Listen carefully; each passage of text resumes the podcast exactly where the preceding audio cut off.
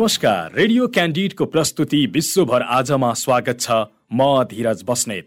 विश्वभर आज radio Candid ninety two point seven megahertz radio क्यान्डिडको आधिकारिक फेसबुक पेज र पोडकास्टमा समेत सुन्न सक्नुहुन्छ।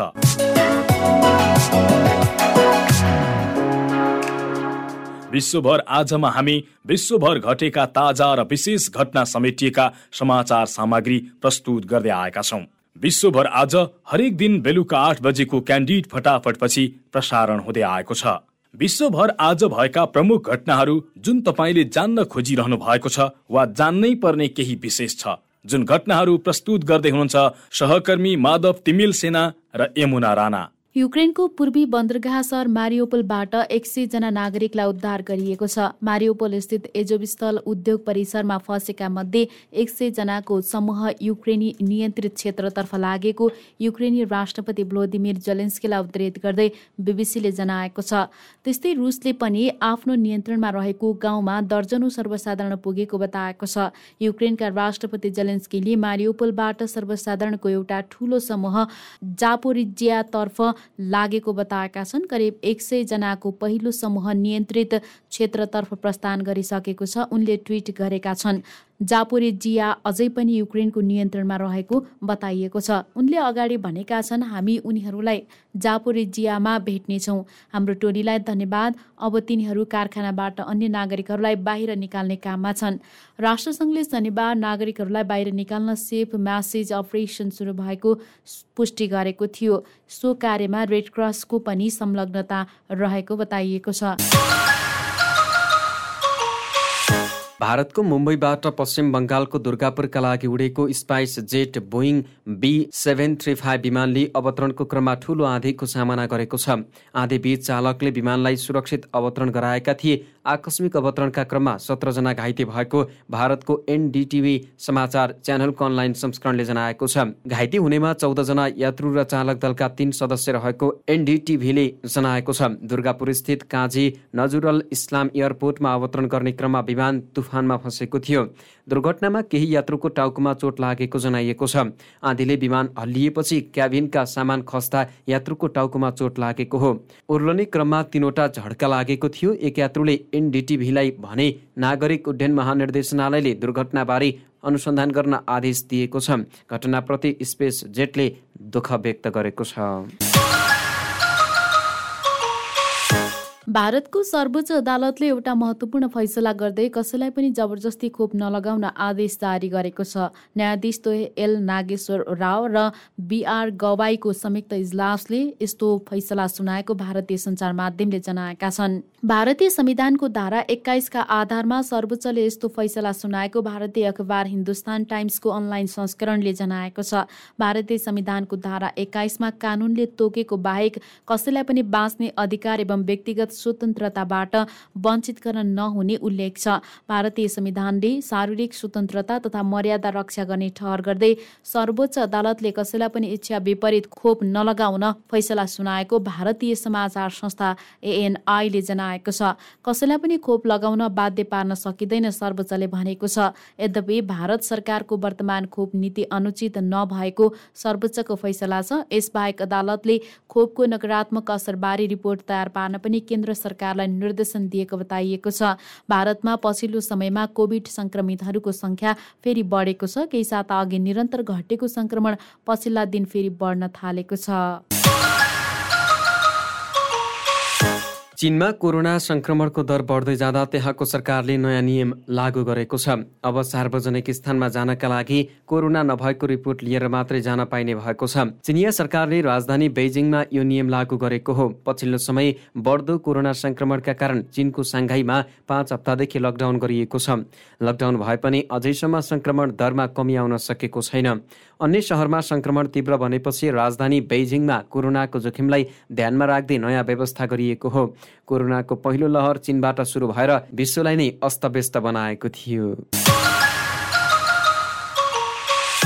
रुसले युक्रेनमा अमेरिका र अरू युरोपेली मुलुकहरूले आपूर्ति गरेका हतियार नष्ट पा, नष्ट पारेको दावी गरेको छ। रुसी रक्षा मन्त्रालयले विज्ञप्ति जारी गर्दै दक्षिणी युक्रेनको ओडेसा सहर नजिकै रहेको विमानस्थलमा राखिएका अमेरिकी तथा पश्चिमा मुलुकबाट आयात गरिएका हतियार नष्ट पारेको दावी गरेको हो।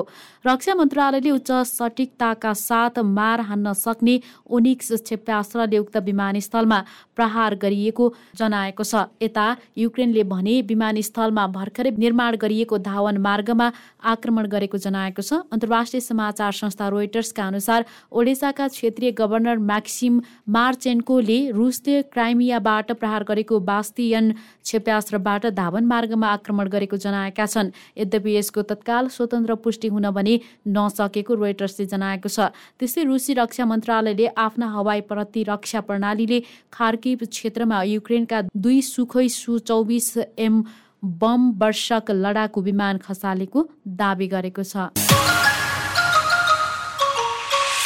युरोप भ्रमणमा रहेका भारतीय प्रधानमन्त्री नरेन्द्र मोदी जर्मनीको राजधानी बर्लिन पुगेका छन्। तीन दिने युरोप भ्रमणका क्रममा उनी सोमबार जर्मनीको राजधानी बर्लिन स्थित ब्रान्डेन बगै विमानस्थलमा अवतरण गरेको हिन्दुस्तान टाइम्सले जनाएको छ। जर्मनीमा रहँदा प्रधानमन्त्री मोदीले जर्मन चान्सलर ओलाफ सोल्जसँग भेटवार्ता गर्ने जनाइएको छ। दुई नेताले भारत जर्मनी अन्तर सरकारी समन्वयको छैठौँ सम्मेलनको सह अध्यक्षता समेत गर्ने हिन्दुस्तान टाइम्सले जनाएको छ।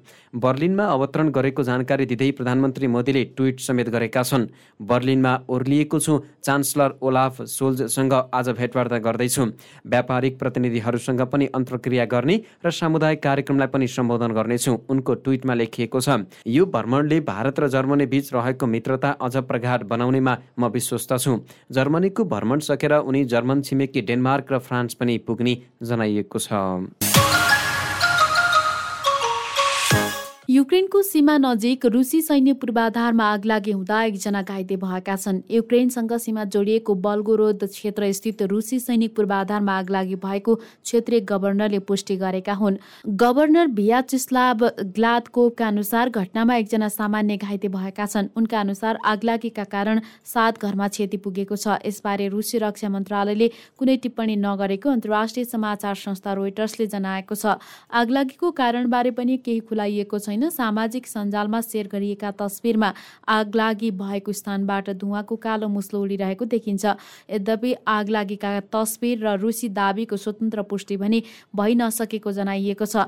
गत महिना रुसले बल्गोरोद क्षेत्रमा रहेको इन्धन भण्डारणमा युक्रेनी हेलिकप्टरले आक्रमण गरेको दावी गरेको थियो। तर युक्रेनी पक्षले भने यस्तो दावीको खण्डन गरेको छ। त्यसयता युक्रेनसँग सीमा जोडिएका रुसी क्षेत्रहरूमा आगलागी विस्फोट जस्ता घटनाहरू बढ्दै गएको बताइन्छ।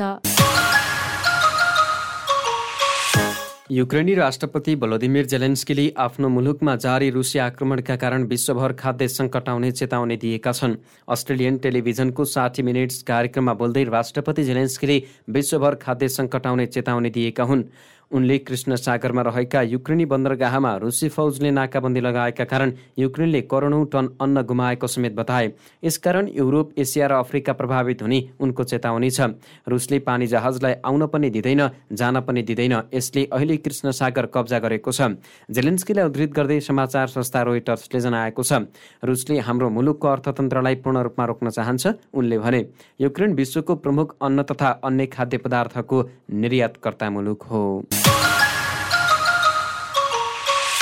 भारतमा गर्मी बढीसँगै विद्युतको माग उच्च भएको छ। केही दशक यताकै सबैभन्दा तातो गर्मीको सामना गरिरहेको भारतमा ऊर्जाको माग तेह्र दशमलव दुई प्रतिशतले बढेर एक खर्ब पैँतिस अर्ब चालिस करोड किलोवाट प्रति घन्टा पुगेको अन्तर्राष्ट्रिय समाचार संस्था रोइटर्सले जनाएको छ। अप्रिल महिनामा राजधानी दिल्लीमा मात्रै विद्युतको माग बयालिस प्रतिशतले बढेको रोइटर्सले जनाएको छ। त्यस्तै पन्जाबमा छत्तिस प्रतिशत र राजस्थानमा अठाइस प्रतिशतले ऊर्जाको माग बढेको छ। यसबाहेक सिक्किममा पनि चौरात्तर दशमलव सात प्रतिशतले विद्युतको माग बढेको रोइटर्सले जनाएको छ। गर्मी बढेसँगै भारतीयहरूले एयर कन्डिसनको अधिक प्रयोग गरेका भएका कारण ऊर्जाको माग बढेको जनाइएको छ। ऊर्जाको माग अनुसार आपूर्ति हुन नसक्दा अप्रेल महिनामा भारतका धेरै स्थानमा विद्युत कटौती गरिएको समेत रोइटर्सले जनाएको छ। यसैबीच भारतमा ताप लहरको क्रम घट्दै गएको त्यहाँको मौसम विभागले जनाएको छ। भारतको मौसम विभागका अनुसार भारतका अधिकांश भागहरूमा ताप लहरको अवस्था कम हुँदै गइरहेको छ भने आगामी तीन दिनमा हल्का वर्षा हुने अनुमान छ। मौसम विभागले वर्षापछि तिन चार डिग्री सेल्सियससम्म तापक्रम घट्ने अनुमान गरेको भारतबाट प्रकाशित हुने बिजनेस स्ट्यान्डर्ड अनलाइनले जनाएको छ। सोमबार मात्रै राजधानी दिल्लीको अधिकतम तापक्रम उन्चालिस डिग्री र न्यूनतम तापक्रम तिस डिग्री पुग्ने अनुमान छ। भारत र पाकिस्तानमा यस वर्ष अत्यधिक गर्मी बढेको बताइएको छ। गर्मीका कारण एक अर्बभन्दा धेरै मानिसहरू प्रभावित भएको अन्तर्राष्ट्रिय समाचार संस्थाहरूले जनाएका छन्। बढ्दो गर्मीलाई जलवायु परिवर्तनसँग जोडेर हेरिएको छ। यो वर्षको अप्रेल महिनामा देशका धेरै भागहरूमा उच्चतम औसत तापक्रम रेकर्ड गरिएको छ। उत्तर पश्चिम र मध्य भारतमा अप्रेलमा क्रमशः पैँतिस दशमलव नौ र सैँतिस दशमलव अठहत्तर सेल्सियस औसत अधिकतम तापक्रम रेकर्ड गरेको भारतीय मौसम विभागले जनाएको छ। र युक्रेनले कृष्ण सागरमा तैनात दुई रुसी युद्धपोतलाई लक्षित गरी आक्रमण गरेको दावी गरेको छ। युक्रेनी सेना अध्यक्ष भलेरी जालोजुनीले कृष्ण सागर स्थित स्नेक टापु नजिकै गस्ती गरिरहेका दुई रुसी युद्धपोतमा आक्रमण गरेको दावी गरेका हुन्। आज सबेरै जिमिनी स्नेक टापु नजिकै राप्टर क्लासका दुई रुसी युद्धपोत ध्वस्त पारिएको छ। जालोजुनीलाई उद्धृत गर्दै बिबिसीले जनाएको छ। बिबिसीका अनुसार मानवरहित हवाई उपकरण ड्रोनले आक्रमण गरेको युक्रेनी पक्षको दावी छ। आक्रमणका क्रममा खिची खिचिएको भनिएको भिडियोमा दुई युद्धपोतमा छेप्यास र आक्रमण भएको देखिन्छ। यद्यपि उक्त भिडियोको स्वतन्त्र पुष्टि भने हुन बाँकी रहेको बिबिसीले जनाएको छ। यसबारे रुसी पक्षले कुनै टिप्पणी नगरेको बताइएको छ। गत महिना युक्रेनले कृष्ण सागरकै तट नजिक रुसी फौज अन्तर्गतको कृष्ण सागरीय नौसेनामा तैनात मोस्कोवा युद्धपोत ध्वस्त पारेको दावी गरेको थियो। रुसी पक्षले मोस्कोवा ध्वस्त भएको पुष्टि गर्दै आगलागीका कारण दुर्घटना भएको जनाएको थियो। प्रस्तुतिमा हुनुहुन्थ्यो सहकर्मी माधव तिमिल सेना र यमुना राणा। विश्व गतिविधि रेडियो क्यान्डिडको दैनिक प्रस्तुति हो। तपाईँले रेडियो क्यान्डिडको वेबसाइट आधिकारिक फेसबुक पेज र पोडकास्टमा सुन्न सक्नुहुनेछ। सँगै खबर हब डट कममा पनि विश्व गतिविधि पढ्न सक्नुहुनेछ। भोलि फेरि यसै समयमा विश्व गतिविधि बुलेटिन लिएर उपस्थित हुनेछौँ। आजलाई भने बिदा दिनुहोस्। नमस्कार।